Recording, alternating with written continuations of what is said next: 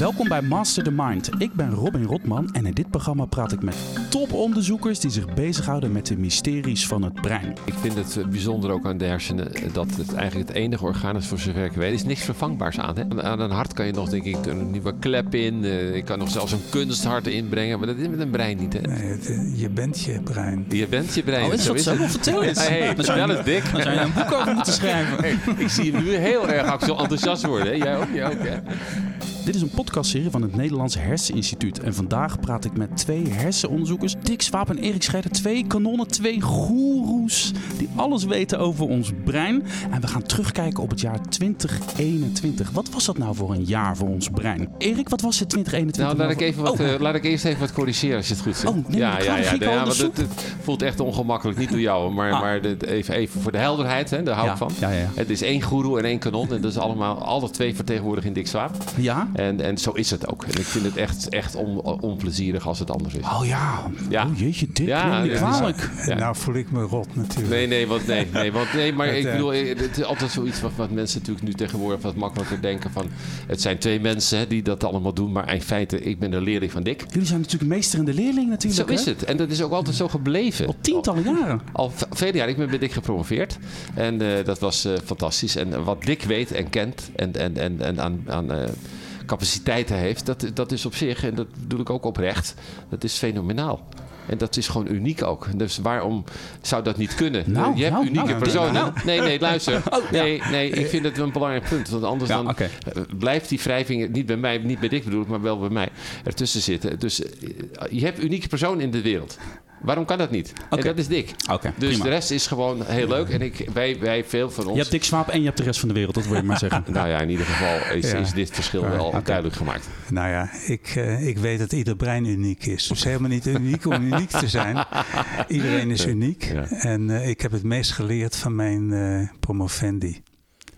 Oké, nou oké. Genoeg nu. Jullie, Oké, jullie ja. vinden elkaar hartstikke aardig en hartstikke goed. Oké, wat, wat was 2021 voor een jaar voor ons brein? Je hebt corona, je hebt onderzoek gedaan. Wat, als jullie nou, wat is het eerste wat jullie te binnen schiet? Dik, 2021, wat was het voor een breinjaar?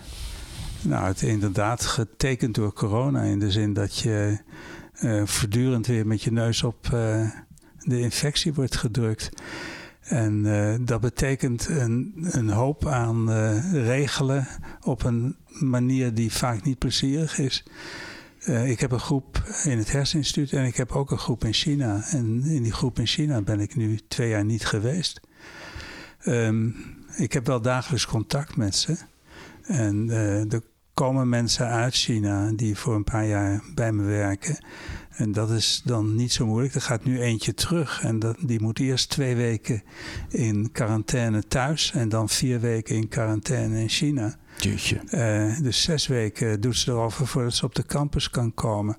Het, eh, het geeft aan dat het ingrijpend is. Het is ingrijpend. Maar heeft dat dan ook echt direct invloed op het wetenschappelijk onderzoek dat vertraagd ook wordt? Zeg je dat ook een beetje ja, hiermee? zeker. Ja, ja. Het is, eh, zolang het onmogelijk is om met elkaar bij de microscoop te zitten in China, eh, wordt het vertraagd. Jeetje. Ja. Ja, ja ik, eh, ik leef met Dick mee. Want het is natuurlijk een fantastische eh, gelegenheid daar in China. Wat Dick daar heeft opgezet ook. Je heeft ook de hersenbank opgezet. Hè? ja, het is een netwerk van hersenbanken. En we hebben dit jaar, als je het toch over een jaar hebt, hebben we van eh, de Chinese regering een enorm bedrag gekregen, structureel, om die hersenbank als netwerk over China verder eh, uit te rollen. Eh, Mooi hoor. Ja, fantastisch. Dat is nogal een klus. Want China is natuurlijk wel een stukje groter. Dat, dat trucje heb je in Nederland natuurlijk al een keer uitgevoerd. Ja, ja. Maar dat Is, Trucje? ja, maar dat is natuurlijk briljant. Maar dat dan in China, dat lijkt me nogal wat. Ja, het is, eh, het is heel bijzonder om het mee te maken. En, en China is natuurlijk specifiek ook in zijn problemen. Eh, niet, niet de religieuze problemen bij een obductie, maar wel de culturele problemen. Dat een lichaam intact moet blijven totdat het verbrand wordt. En eh, je moet dus mensen ook de informatie geven eh, voordat ze mee willen doen aan zo'n enorm project. En eh, er zijn een paar hele goeie die dat doen. Ja. Zijn, is het zo dat hier in Nederland lopen de donaties uit of de, het ter beschikking stellen van je hersen best goed? Hè? Is dat in China ook zo? Ja, we hebben in Hangzhou hebben de eerste 300 obducties achter de rug, dus het loopt. Maar ehm, Ja, het, het uh, moet natuurlijk nog uh, meer tempo krijgen. Ja. En een ander probleem is dat in China de neuropathologie heel uh, zwak is. En we leiden mensen op hier in het herseninstituut ook. En met de VU samen om de diagnoses te kunnen stellen. Er zijn ook, was ook één, één of misschien wel meer, maar in ieder geval één promovendus bij jou... die daar hoogleraar geworden is en ook zo'n Alzheimer Centrum leidt, hè? Ja, de, uh, um, Joe was uh, de eerste Chinese promovendus. Er zijn er meer. Uh, Simon Bao is ook hoogleraar geworden. Ah, ja? En oh, ja. ja. ze leiden allemaal groepen. Ja. Dus dat, dat maakt het leven ook wel interessant. Mijn promovendi zijn mijn wetenschappelijke kinderen. En ik, de, de promovendi die we dan hebben met mijn promovendi zijn mijn wetenschappelijke kleinkinderen. Ik heb zelfs achterkleinkinderen. ja, dus, dat is ook mooi. Dat is leuk. Het is een grote familie. Ja. en, en, en als je dan China is natuurlijk een groot land. Dat is natuurlijk een groot netwerk wordt dat. Denk je, heb je ook uh, hoge verwachtingen van het onderzoek wat je dan daar dus zou kunnen doen? Of de potentie dat je sneller klappen kan maken als het gaat over Alzheimer bijvoorbeeld. Wat natuurlijk een belangrijk uh, punt is voor jou. Ja, het, uh, er is een enorm aantal onderzoekers. Maar wat belangrijk is, is dat ze ontzettend goed zijn. Er zijn dus alle mensen die leiding geven aan het onderzoek, die zijn ook uh, opgeleid uh, in het Westen. Dus er is een enorme interactie met andere groepen in het Westen. en dat is dus ook weer zo'n netwerk wat over de hele wereld is. mensen die elkaar goed kennen en met elkaar het onderzoek doen. deels in samenwerking en deels in competitie. En beide stimuleren. Wat ik altijd mooi vind als je vertelt over, uh, vind ik altijd echt leuk ook, uh, of je, um, wanneer je te snijstaan staat door het anatomisch lab. Dat doen ze met camera's geloof ik. Hè? Dus het is allemaal in die zalen of van ver af ook nog. Kijken daar mee hè, over je schouder heen. Ja, ik, uh, ik doe wel een, uh, zeg een hersendissectie, een menselijk brein, wat uh, dan in detail wordt ontleed. Soms doe ik dat voor een zaal van uh, eh, 800 mensen of zo. en dan, dan is er een camera uh, die zo goed is dat uh, als ik het echt goed wil zien, dan kijk ik omhoog naar het beeldscherm. Oh ja. ja, maar vaak doe ik het ook met een kleine groep om me heen en zo. Dat, uh, maar dat is een van die dingen die, die gebeuren.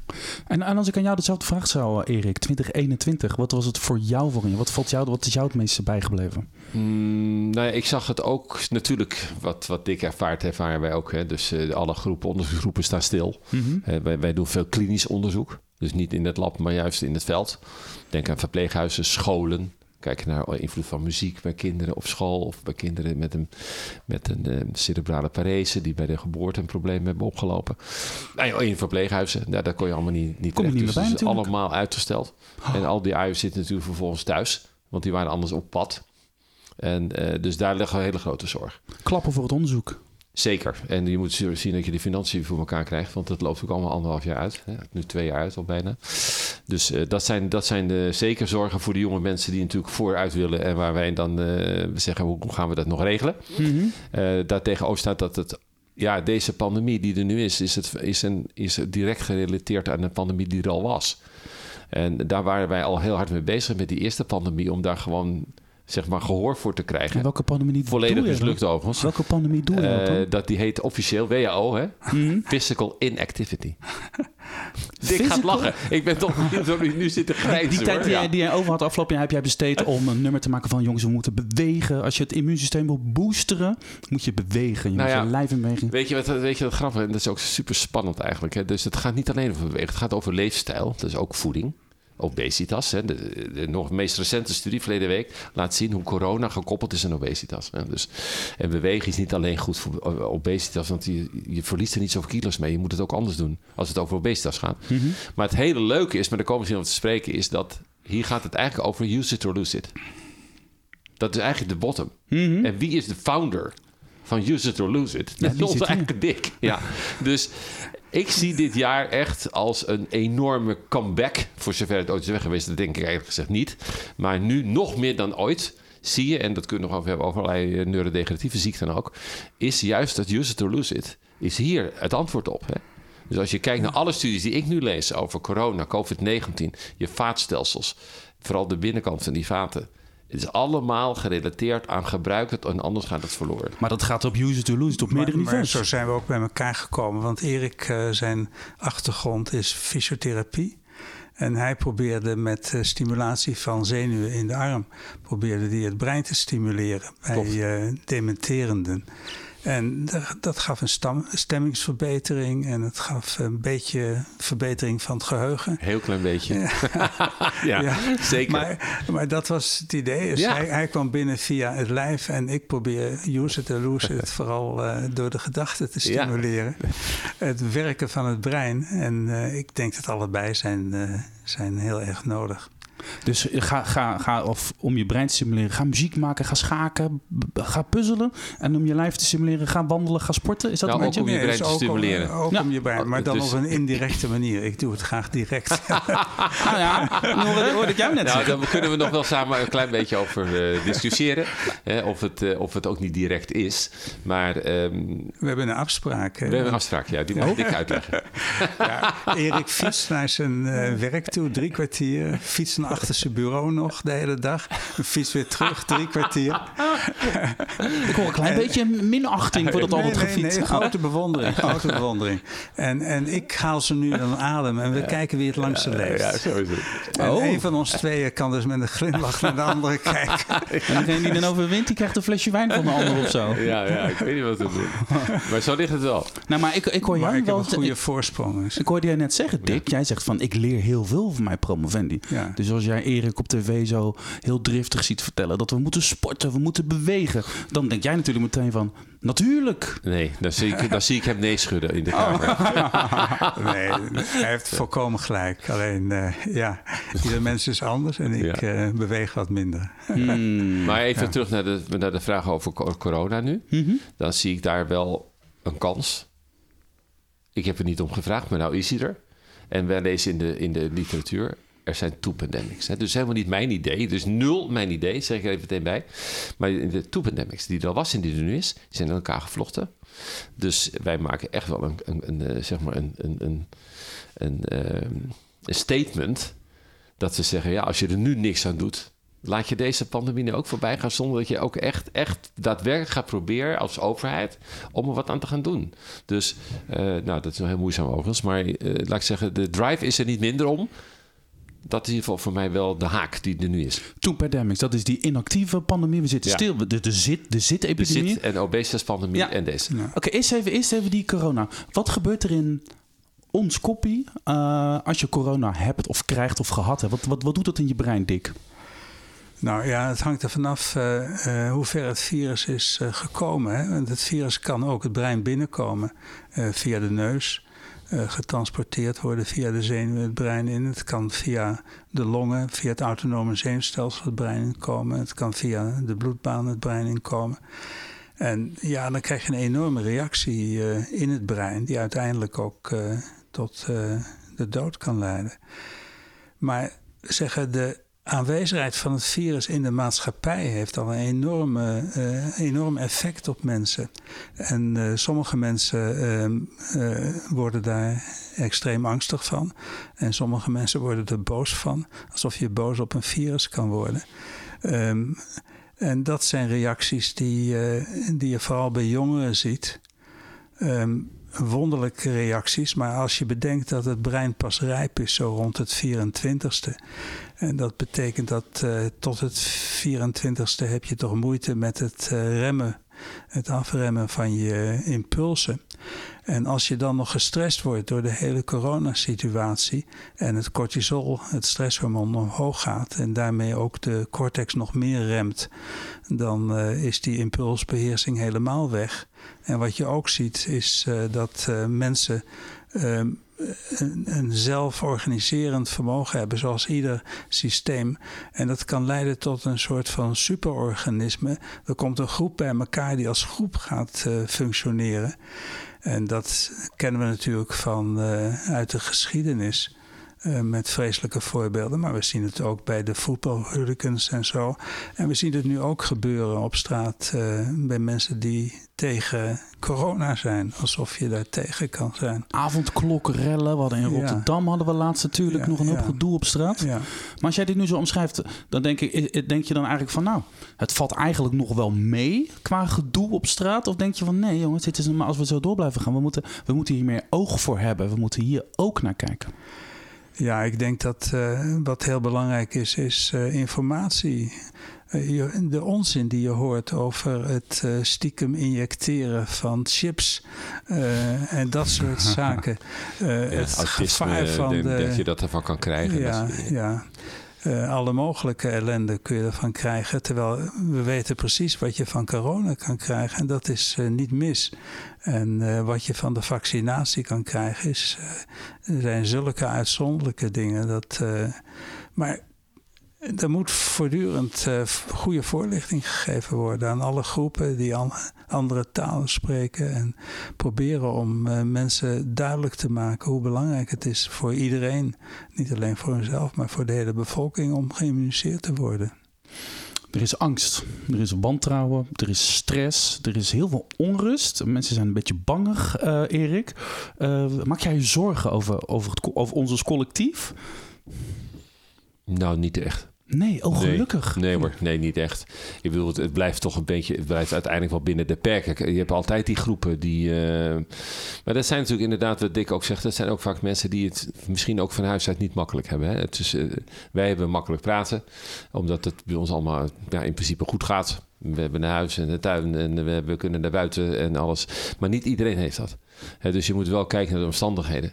En als het dan altijd al een beetje tegen zit en je hebt niet allemaal al eh, fijne perspectieven en, en dat je denkt van nou, wat ga ik vandaag doen? Ik heb het leuk, ik heb een leuke baan. Dat geldt niet voor iedereen.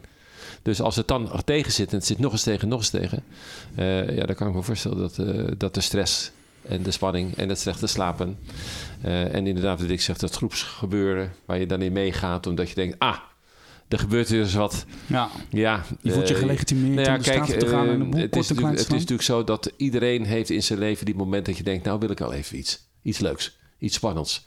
Spannend kan ook een beetje rewarding, een beetje belonend zijn. Nou, als het allemaal niet meer gebeurt, omdat het toch al heel weinig was... en nu is er nog minder dan dat er al was... ja, dan is er ook niet zo heel veel voor nodig om het dan te laten escaleren. En zo kijk ik ernaar. Ik praat niet goed uiteraard, maar uh, je, kunt het wel, ja, je kunt het wel begrijpen. En ik vind in die zin ook wel, onder, wel binnen de perken blijven. En wat is dan de way out? Is dat een perspectief bieden? Aan, aan, aan de jongeren? Of die groep ja, werd of wat? En, en dat perspectief wordt natuurlijk door eh, vaccinatie geboden. Dat, uh, Alleen, men zal eraan moeten wennen dat het virus blijft en dat we toch uh, daar rekening mee moeten blijven houden. Um, en op een andere manier uh, met een aantal dingen omgaan. Ja, kijk, daar kan ik nou op eh, aansluiten, Dick, die andere manier. Zometeen. Ja. Ja? ja? ja? Ga je gang? Nee, nee, jij eerst nog. ik onderbrak je, maar ik denk, dit is even mijn momentje. Ja, nee, ja, ik, laat, ik laat de microfoon aan jou. nou, ja, nou ja, omdat ik dan denk, dit is dat, precies dat moment waar het moet veranderen. Want de mensen die uiteindelijk op die zee liggen en die ook overlijden, dat zijn de kwetsbare mensen. Mm -hmm. Met een kwetsbare gezondheid. Mm -hmm. Nou, ik zou zeggen, laten we er wat aan doen. We hebben er in geen twintig jaar wat aan gedaan. Ja, goede initiatieven. Ik wil niemand ten spreken. Maar die hebben niet geholpen. Anders hadden we die pandemie nummer één niet gehad. Dus dit is het moment voor de omdraai. Ja, wat gaan we doen? Kom nou ja, maar met, met, met, Ik, ik geef het woord nu weer terug aan Dick. Ik ben heel benieuwd hoe Dick hier naar kijkt. Ja. We, nou, wil je met me mee een beetje of helemaal ja, niet? Ja, jawel. Een van de dingen is natuurlijk uh, weg met de coronakilo's. Uh, dat is heel belangrijk. En uh, afvallen is niet makkelijk. Felix Kreijer heeft een aardig boekje over geschreven. de hamster in ons brein. Want ons brein is uh, uh, zo ingesteld gedurende de evolutie dat, uh, dat we gek zijn op calorieën. Want we, we, weten niet of we morgen weer wat te eten hebben. Dus we proberen alles wat er beschikbaar is naar binnen te werken. met die angst van, ja, wie weet hoe we het nodig hebben straks. En uh, dat, zo is de situatie niet meer. Dus we moeten proberen om daar weer vanaf te komen. En als je dan uh, flink gaat kuren, wat veel mensen doen, als ze schrikken van de weegschaal, uh, dan zie je dat je een paar kilo afvalt. Maar daarna dan gaat het brein zich zo instellen uh, dat alle calorieën weer worden vastgehouden. En dat je uh, ook gedwongen wordt door je brein om naar eten, eten, te zoeken. En, en, wat je moet doen is heel langzaam verminderen. En, en dat is een hele kunst. Um, dat is niet makkelijk ook. Dus je moet wat minder eten. En dat is zeggen, om gewicht te verliezen is dat veel belangrijker dan uh, bewegen. Oh, dat was het punt. Nee, maar dat ik zat dat te al. Bewegen is niet echt iets waarbij je door je afvalt. Wel helpt wel mee, dat moet ik er eerlijk gezegd bij zeggen. Ik kan hmm. ook uitleggen waarom. Als je dat wil. Ja, als ik dat ook wil. en, uh, maar kijk, je hebt, een, je hebt allerlei stofjes die zorgen dat je honger hebt. En je hebt ook stofjes die zorgen dat je verzadigt. Een van die stofjes voor de verzadiging is leptine. En die zorgt eigenlijk voor het gevoel, ik heb genoeg gegeten. En wat je ziet bij mensen die obese zijn, overgewicht, obese is niet hetzelfde, hoger BMI, mm dat dat leptinegehalte is heel hoog juist. Dan denk je, nou, als het zo hoog is, dan zou je het toch niet meer moeten eten. Dan hebben ze een verzadigd gevoel, toch? Ja, maar het antwoord is dat je eigenlijk een tolerantie hebt ontwikkeld. Je hebt een, het, het werkt niet meer. Het is heel hoog en daardoor ben je eigenlijk ongevoelig geworden voor leptine. En als je dan gaat bewegen, blijkt uit studies uiteraard, dat, dan zakt dat leptinegehalte door het bewegen. En als het zakt, komt het weer in de normale range terecht. En dan krijg je gewoon weer het effect ervan. En als je dan gaat stijgen, dan, eh, dan voel je je weer vol. Maar het is niet zo dat je van 160 kilo naar 80 kilo gaat. Dat is absoluut waar wat Dick zegt. Maar het kan wel meehelpen. dus het, en het, daarnaast is het zo dat er ook studies zijn die laten zien dat mensen die overgewicht hebben en die gaan bewegen, die hebben toch het positieve effect op hun uh, bloedvaten. Ondanks dat je niet afvalt. Dus aan beide kanten zou je moeten zeggen: doe het. Maar wat je ziet in de hele maatschappij, we zijn dus allemaal gaan zitten. De kinderen zitten de hele dag op school, zitten op de BSO, gaan thuis zitten gamen. Daar moet je, daar moet je het aanpakken. Nou, ik, ik, ik heb al honderd uh, corona-persconferenties gezien. En er worden ongetwijfeld hele zinnige dingen gezegd. Maar ik heb nog nooit de oproep gehoord van uh, ga eens bewegen. De sportscholen worden gesloten, sportclubs ik vind dat, Ja, ik vind het ook wel op zich heel triest hè, dat er niet één immunoloog is of viroloog. Behalve dan Erik van Gorp, hij is hoogleraar virologie en in Rotterdam, uit, uh, Erasmus in Rotterdam, heel goed. En hij is dus een grote voorstander van bewegen uit, uit immuunoogpunt. Maar het is toch merkwaardig, hè, Dick, dat niemand het erover heeft. Ja, maar je kunt in het algemeen zeggen dat men bezig is om het brandje te blussen. Maar een visie op uh, de lange termijn ontbreekt op dit moment helemaal. Precies. En uh, dat is iets waar we echt naartoe moeten. Want het virus blijft bij ons en uh, we moeten een aantal veranderingen teweeg brengen. Nou, voor de draad ermee zou ik zeggen. Ja, zeker. Want als je wat, kijkt... Wat, maar wie, wat zijn die veranderingen dan? Nou ja, even nog hè, voor de helderheid voor de luisteraar. Maar er is gewoon een veld dat heet Exercise Immunology. Mm -hmm. Het is gewoon een veld. En dat gaat allemaal over jouw, jouw immunologie. Dus hoe, jouw, hoe jouw bewegingen, je hele lijf, hoe je die kan activeren om dat immuunsysteem ja. te boosteren. Heel veel, ja, te boosteren. Je ziet in heel veel internationale studies nu voor de future pandemics wat de uitstraling is van dat veld. En dat is precies ook wat ik zeg, denk ik ook in die plannen die gemaakt worden, moet je dit nu echt structureel meenemen. En zover is de overheid nog niet. Oké, oké, dus dat is, dat is punt, punt 1, Dick. Jij zegt er moet iets gebeuren. We moeten een soort stip aan de horizon. We moeten er meer aan doen. Een grote strategie. Stoppen met brandjes blussen. We moeten die grote veenbrand gaan aanpakken eigenlijk. Als, als ik in die metafoor mag meegaan. En Erik zegt, oké, we gaan bewegen. We gaan dat stimuleren. Dat is punt 1. Wat gaan we nog meer doen in dat grotere plan? En die gaan we allemaal met onze armen over elkaar zitten. Nou ja, de, zeggen, we moeten natuurlijk rekening houden met dat virus. En uh, dat betekent dat we uh, toch afstand moeten houden, anderhalve meter. Dat blijft zo. Uh, en uh, zeggen het beleefd groeten uh, met een buigingje in plaats van met een hand. Dat was je wel gewend in China al, hè? Toch? je, of niet? Nou ja, dus Krikje. zeggen, zo was het in China niet. Nee, nee. In China is men toch was men lichamelijk. Maar in, in toch Japan, wel meer van handen geven. Ja, in Japan was het. Uh, oh ja, in Japan was het niet zo. Ja, ja, ja, En dat blijft ook op afstand in Japan, zelfs als je mensen goed kent. Ja. Um, ja, het uh, handen wassen natuurlijk. Uh, maar ook het vaccineren. Het vaccineren uh, ook van jonge kinderen. Wat, dat hoort er ook bij, neem ik aan. En we maken nu een ontzettende toestand daarvan. Maar we hebben altijd DKPT bij ja. kinderen. En dat, dat heeft goed gewerkt. Ik moet zeggen dat, dat ik me altijd vreselijk voel als ik nadenk over uh, de kinderen die het niet krijgen. En die dan weer in een mazelenepidemie terechtkomen, ook met hersenbeschadiging daardoor. Ik zeg altijd, op de Veluwe worden nog kinderen geofferd in Nederland, in ons progressieve Nederland. Hmm. Uh, op basis van ideeën die uh, niet uit deze tijd zijn. Um, dus we zullen ook, ook daar zullen we ja, moeten duidelijk maken wat uh, de voor's en de tegens zijn en een goede voorlichting geven. Uh, en duidelijk maken dat uh, als er een God is, dat hij nooit bedoeld heeft om kinderen schade toe te brengen. Bewegen, Mooi. Nou vaccineren. Ja, ja, dus bewegen, maar zie het ruimer. Hè, dus de leefstijl. Dus ook goede voeding, gezonde voeding voor iedereen. Dat betekent ook voor degenen die niet meteen de financiën hebben om het te kopen. Daar moeten we op letten. Er zijn dus heel veel wijken in Nederland die, waar mensen wonen, die het niet van huis uit meteen heel makkelijk hebben. En die mensen zijn toevallig ook wel het meest kwetsbaar. Nou ja, dus als je wil investeren, moet je daar doen. Dus ik hoorde de minister zeggen: we gaan desnoods de deuren langs om mensen te gaan vaccineren. Dan kunnen we net zo goed gelijk een mandje fruit meenemen. Of zo, nou ja, precies, hè, maar dan structureel. dus eh, het is echt serieus dat je gewoon moet kijken naar hoe het jarenlang is gegaan. Nu hebben we deze tweede grootste crisis na de Tweede Wereldoorlog. Dan is dat toch het moment om te denken: nou, dit, dit moeten we aanpassen. Wat ik zei, op lange termijn moet je echt andere plannen maken. Hm. En daar past dit perfect in, zodat je zelf in ieder geval kunt zorgen voor een optimale gezondheid. Ja, want het is natuurlijk een algemeen punt wat veel verder gaat dan corona. Dat mensen in bepaalde buurten toch tien jaar korter leven dan in andere buurten. En dat in Nederland. En dat zijn, dat zijn buurten waar armoede is, ook in Nederland. En uh, ook dat hoort bij een, bij een groter plan om uh, dit, dit soort problemen aan te pakken. Het is allemaal verweven. Misschien nog aardig om, omdat Dick het nou zo zegt. Hè? En eh, Dick had het ook over dat gevoel van uh, eten en drinken. Maar als je nou de hele dag eigenlijk weinig hebt. Niks. Mm En je wil ook even dat lekkere momentje. Nou, wat is er dan het meest voor hand liggend? Haal een hamburger kost 1 euro. Die heb je dan nog wel. Mm -hmm. nog, een, nog een hamburgertje. Als je het heel snel opeet, verzadigt het niet. Want je moet namelijk langzaam kou wil je een beetje verzadigen.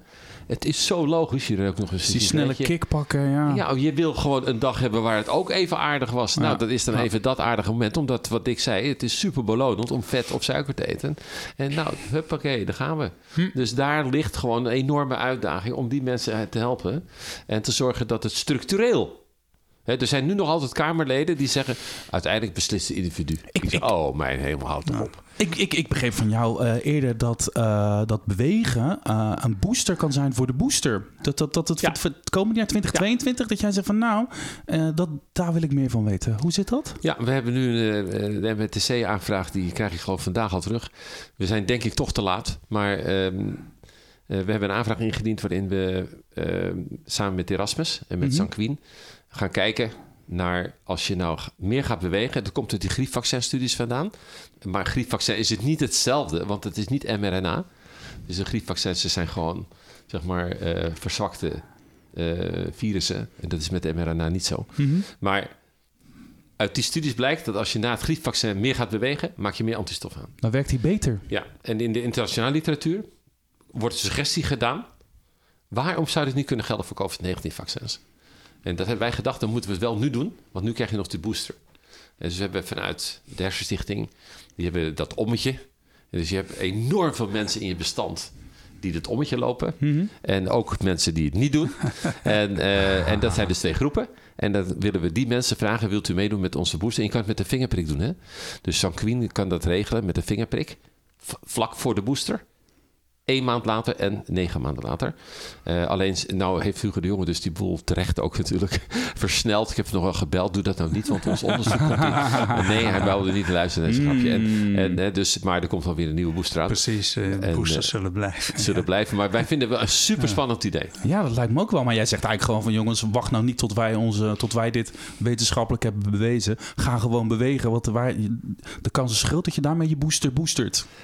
nou ja, nee, daar moet je dus voorzichtig in zijn want dan ben ik al te, te... Maar laat ik zeggen, het, je hele afweersysteem heeft wel uh, voordeel bij een actieve leefstijl. Hm. Wat, wat, wat, waren jouw wetenschappelijke hoogtepunten van 2021, Dick? Um, nou, een, een van de dingen die ik fijn vond om uh, te zien was dat, uh, dat er een paar publicaties waren waarin uh, dierexperimenteel werk en werk aan menselijk hersenmateriaal gecombineerd werden. En dat was altijd mijn idee over de Nederlandse hersenbank. Je kunt mechanismen kun je uitzoeken in muizen, in, in proefdieren. Maar uiteindelijk moet je kijken of datgene wat je gevonden hebt ook opgaat voor het menselijk brein. En uh, er was bijvoorbeeld een, een, idee over een bepaald molecuul uh, wat uh, belangrijk is voor het ontstaan van depressie. dat is prima uitgewerkt door die eerste promovendus van me, die Joe in, in China. Maar eh, daarbij hebben we ook menselijk materiaal genomen en gekeken bij depressieve patiënten. Is dat inderdaad zo? En dat blijkt zo te zijn. En hetzelfde geldt voor um, schizofrenie, waarbij je onderscheid maakt tussen ehm, verschillende symptomen. Um, de de negatieve symptomen, zoals we die noemen, uh, die lijken onder invloed te staan van het histaminaire systeem. Dat is uit muizenwerk is dat weer voortgekomen. En we hebben aan kunnen tonen in het menselijk brein dat dat inderdaad ook uh, zo is. Dus die combinatie van proefdierenwerk en uh, humaanwerk, uh, dat, uh, dat vind ik bijzonder dat dat langzamerhand eruit komt. En daar heb je het afgelopen jaar slagen mee gemaakt? Ja, vind het wel ja. En verder was voor mij afgelopen jaar was een goed jaar, omdat ik eindelijk vier volumes over menselijke hypothalamus heb gepubliceerd. En dat is een uh, Handbook of Clinical Neurology. Er zijn zo'n 180 hoofdstukken. En ik denk dat we daar weer een tijdje mee voort kunnen. ja, het is een masterwerk hoor, van Dick. Ja. ja, ja. Kun jij mij even uitleggen wat dan, waar, waarom, dat, waarom dit heel belangrijk en heel groot is? Want ik, ik ben natuurlijk een no-no wat dit betreft. Ja, het is een heel klein orgaantje, maar, maar het is essentieel voor je hele hormonale huishouding. Voor je hele autonome functioneren. Mm -hmm. en, en Dick is daar gewoon ja, de wereldspecialist op dat gebied. En wat heeft hij dan hier nu neergezet? Dat je echt denkt van ja, maar dit, ja, is, dit hij, is waarom hij. Het is allemaal in, in, in de meeste details is het helemaal uitgeschreven, uitgewerkt. En je kunt je gewoon ja, je kunt het je wel voorstellen, maar ook weer niet dat over zo'n heel klein gebiedje je zo ongelooflijk kan schrijven, omdat het ook zo'n belangrijk onderdeel is van je centraal zenuwstelsel. Dus alles hangt er vanaf. Zeg maar alles, hè, Dick? ja, het, uh, je hebt het nodig om uh, als individu in stand uh, te blijven. We hebben het gehad over, over eten en drinken, maar ook als, als species in, zeggen er, te blijven. De voortplanting is uh, natuurlijk afhankelijk van uh, de hypothalamus. En uh, er zijn steeds meer functies die ook door de hypothalamus mede bepaald blijken te worden. Dus een heel centraal deel van het brein. Hm, is dit een soort standaardwerk waar toekomstige wetenschappers of huidige wetenschappers altijd kunnen putten van hé, dat, dat heeft hij maar mooi op papier? Oh, zeker. Oh ja, zeker. Ja, nee, geen twijfel.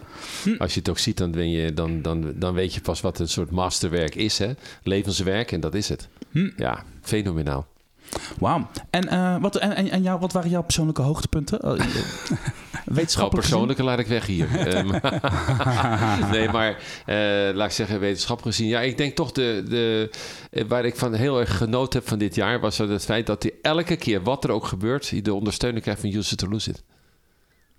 En, Blijf het gebruiken. Nou ja, omdat gewoon ook in deze crisis... is dat wat je overal leest gewoon. Hm. De mensen die, die een inactieve leefstijl hebben, de mensen die zitten. Uh, maar ook mensen die gewoon, laten we zeggen, de moeite niet nemen om zich in te spannen. Dat is zonde. Je moet het wel doen. Dat geldt cognitieve inspanning en fysieke inspanning. zijn gewoon de twee dingen die je moet doen. Moeite doen. Moeite doen. Nou, dat is, ja.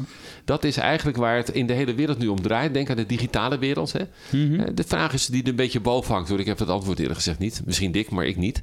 Uh, is, van, is het uiteindelijk nou zo dat we nou veel baat hebben qua hersenontwikkeling bij al dat digitale werk. Ja, misschien degene die het ontwikkelt, maar de vraag is of de gebruiker er zoveel baat bij heeft. Het wordt natuurlijk steeds makkelijker. Het wordt allemaal makkelijk gemaakt. Maar ik lees heel graag studies die laten zien dat moeite doen, dat is belonend.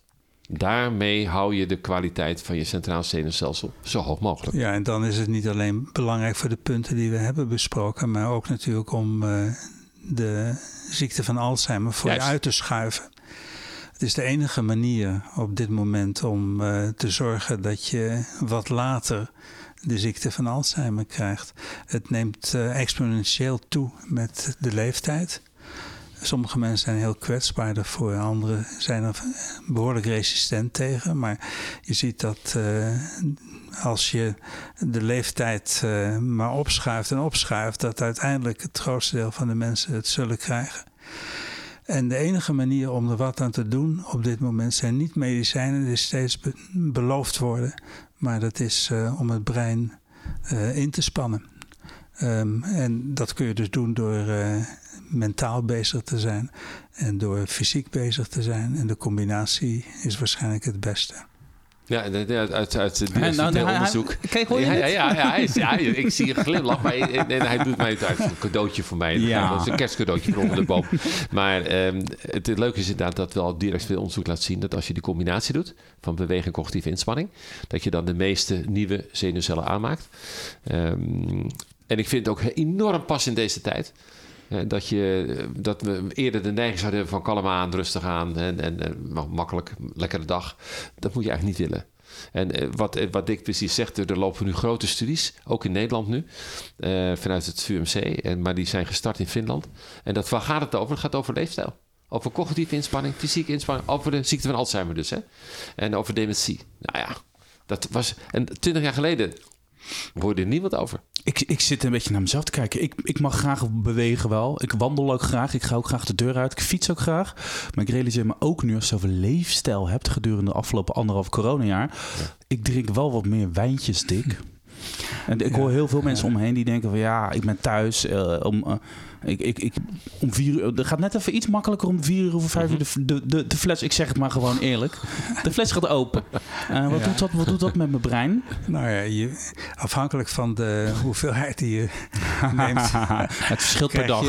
Er gaat ook wel eens een dag voorbij dat ik geen fles leeg drink. Nee, maar ik drink wel meer wijn. In geeft het schade aan het brein. Ja. Ik moet bekennen dat ik uh, de machine ook wel stilleg aan het eind van de dag met een goed glas whisky. Hm. Uh, maar of dat nou zo goed is uh, voor het brein, aan de andere kant, uh, als je het plezierig vindt en het blijft binnen de perken, dan denk ik van je hebt toch ook recht op. Ja, die studies zijn er niet. Hè? Dus nu is Dick niet de wetenschapper, maar gewoon Dick Swaap, de mens. Ja. Dus dat even helder is. Ja.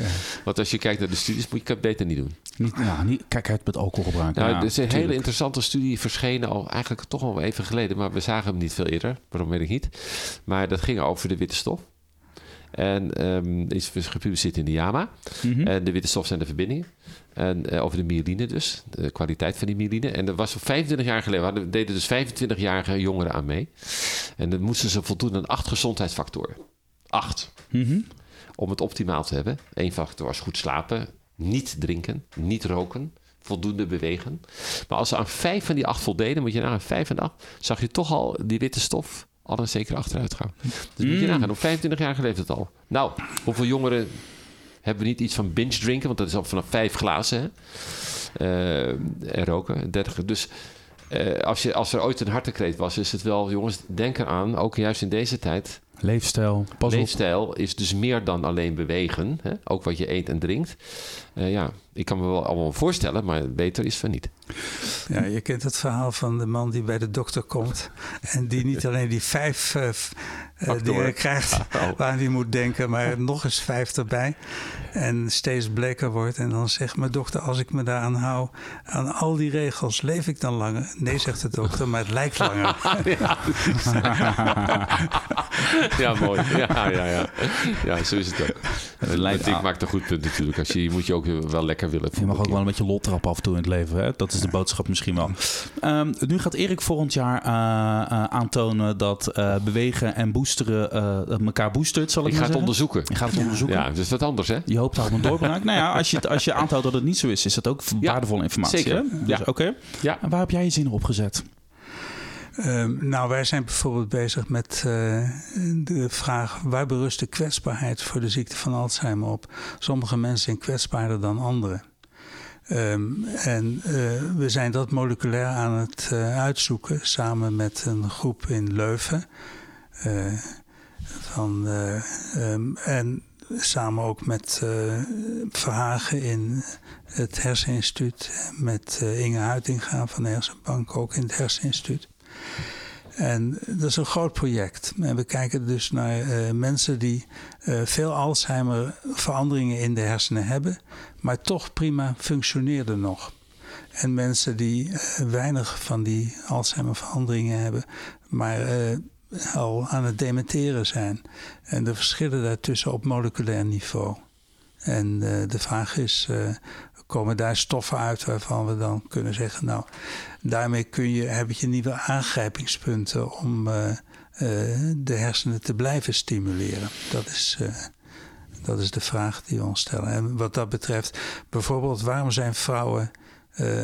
Um, kwetsbaarder voor de ziekte van Alzheimer dan mannen? Waarom krijgen ze dat eerder? Ehm, waarom uh, verloopt de ziekte ernstiger bij ze? dat zijn ook vragen die we op dit moment proberen te beantwoorden. En ik hoop daar volgend jaar meer kijk op te krijgen. En dan kun je misschien preventief misschien meer ingrijpen. Of je kan misschien de medicatie gaan ontwerpen of zo. Of? Ja, beide zijn mogelijk. het hangt er vanaf wat je precies vindt. of dat factoren zijn die makkelijk te beïnvloeden zijn in de vorm van leefstijl. Uh, of het toedienen van stoffen die je makkelijk kunt toedienen. Of dat je het uh, zeggen in de vorm van medicamenten moet uh, zoeken. Hm. Misschien nog als u nog iets mag toevoegen aan dat vorige stukje over leefstijl. Wat van mij, mijn stukje. Mensen die het luisteren, die denken misschien, ja, lekker. Hè? Ik had, mijn vader had, was een super actieve man, kreeg toch Alzheimer. Hè? Dus, Net als al die mensen die ook gerookt hebben, maar wel honderd werden. Ja, dus die je moet altijd, praten over verminderen van risico's. Mm -hmm. Het voorkomt het niet. Oké, oké. Dat is even wel een belangrijke toevoeging. Het gaat om de risico's. Daar hm. praten we volgens ja, en, over. En die risico's zijn voor een gedeelte genetisch. En voor een gedeelte ook hele vroege ontwikkeling. Dus om een voorbeeld te geven, als, uh, de, als kinderen een taal leren, dan is een enorme stimulans voor het brein. Um, dat is niet alleen een stimulans voor die typische taalgebieden, Broca en Wernicke, maar voor het hele brein. En als kinderen van het allereerste begin tweetalig worden opgevoed, voedt, dan is het een extra stimulans voor het brein, waardoor ze extra reserve krijgen. En die kinderen die uh, krijgen de ziekte van Alzheimer zo'n vijf jaar later dan de rest van de populatie. Dus ook in je vroege ontwikkeling is het dan een kwestie van uh, zeggen, genetica aan de ene kant, maar ook de omgeving en de stimulatie vanuit de omgeving, die je kansen bepaalt op een ziekte later. Maar zeg je nou gewoon eigenlijk dat als je als ouders een, een tweede taal eh, gaat leren of op een basisschool, dat je gewoon een generatie gaat creëren die vijf jaar langer leeft, die vijf gratis jaren krijgt? Eh, nou, we weten nog niet of als je een andere taal later leert, of je dan inderdaad het effect nog houdt. Dus de studies die tot nu toe gedaan zijn, zijn bij kinderen die, waarvan de vader en de moeder verschillende talen met ze hebben gesproken. En op die manier dus vanaf het allereerste begin een extra stimulans hebben gekregen. Of kinderen op de lagere school nog op die manier te stimuleren zijn met hetzelfde effect. Of kinderen op de middelbare school met hetzelfde effect. Dat is helemaal de vraag dat moeten we allemaal nog onderzoeken. Nu, nu vroeg ik eerder dit jaar, ik, ik, ik sluit deze podcast altijd af met een vraag over uh, welk deel van het brein hoop je dat we ooit nog eens zullen masteren. Hè? Dit programma heet Master the Mind. Jij zei toen, um, uh, ik, ik, ik wil weten wat leven, het leven zelf is. Heb je daar al een stapje dichterbij? Heb je al een stapje gezet in, in, in, het antwoord nee, op die vraag? Nee, daar is, uh, dat is heel moeilijk om daar een stapje dichterbij te komen. We zeggen, wat, wat nou eigenlijk leven is, is dat zeggen de moleculaire achtergrond die we aan het bestuderen zijn. Uh, of uh, verkijken we ons erop en is er veel meer dan uh, dat? het, is, het is de grote vraag voor mij. Het is een mooie vraag, hè? Ja, prachtig. Ja. Heb, jij, heb jij een soort iets aan het brein waarvan je denkt van... Mm. als we dat nou nog eens een keertje zouden masteren? Nou, ik heb er ontzettend veel, denk ik. En, maar um, één daarvan is inderdaad waar de gedachten vandaan komen. En daar kan ik inderdaad heel lang over nadenken. Hoe komt het dat ik nu iets denk? Ja, waar komt, hoe komt dat nou? Ja, je kan zeggen dat zijn eh, allemaal neurale activiteiten, synapsen en noem maar. Hoe komt het dat ik nu die gedachte ontwikkel? Wat is eigenlijk een gedachte? Ja, is toch geen, dat is toch opvallend dat ze daar het antwoord niet op hebben. Heb je al een idee, Dick? Nou ja, Vraag het maar aan de meester, toch? Ja, zeker, ja. nou, er zijn zeker ideeën over uh, hoe denken plaatsvindt. En uh, Pieter Roelsema in ons instituut uh, is daar een heel eind in. Ik werd uh, vlak voor deze opname gebeld uh, door Deborah. Die kennen jullie van de stichting Vrienden van het Herseninstituut. En die dragen jullie beiden een warm hart toe, weet ik toevallig. Um, en ze vroeg me, laat die mannen nou iets, iets aardigs zeggen over die stichting. Wij zijn geld aan het ophalen, we fondsen en we doen allemaal toffe dingen. En dat gaat allemaal naar dat onderzoek. Uh, nou ja, aan, wie, aan wie kan ik nou beter vragen waarom het belangrijk is om onderzoek te doen naar het brein? Dan aan Dick. dan aan Dick. Nou ja, oké, okay, eerst Dick dan. Heel goed. Ja, okay. ja. Nou, het is een stichting van het Herseninstituut. En het mm. Herseninstituut is een heel bijzonder instituut. Er zijn twintig groepen die uh, allemaal op heel verschillende onderwerpen van het uh, hersenonderzoek onderzoek doen op topniveau. En dat niveau wordt iedere vijf jaar gecheckt of het nog top is. En uh, daar zit een enorme druk op, op de ontwikkeling van dat onderzoek.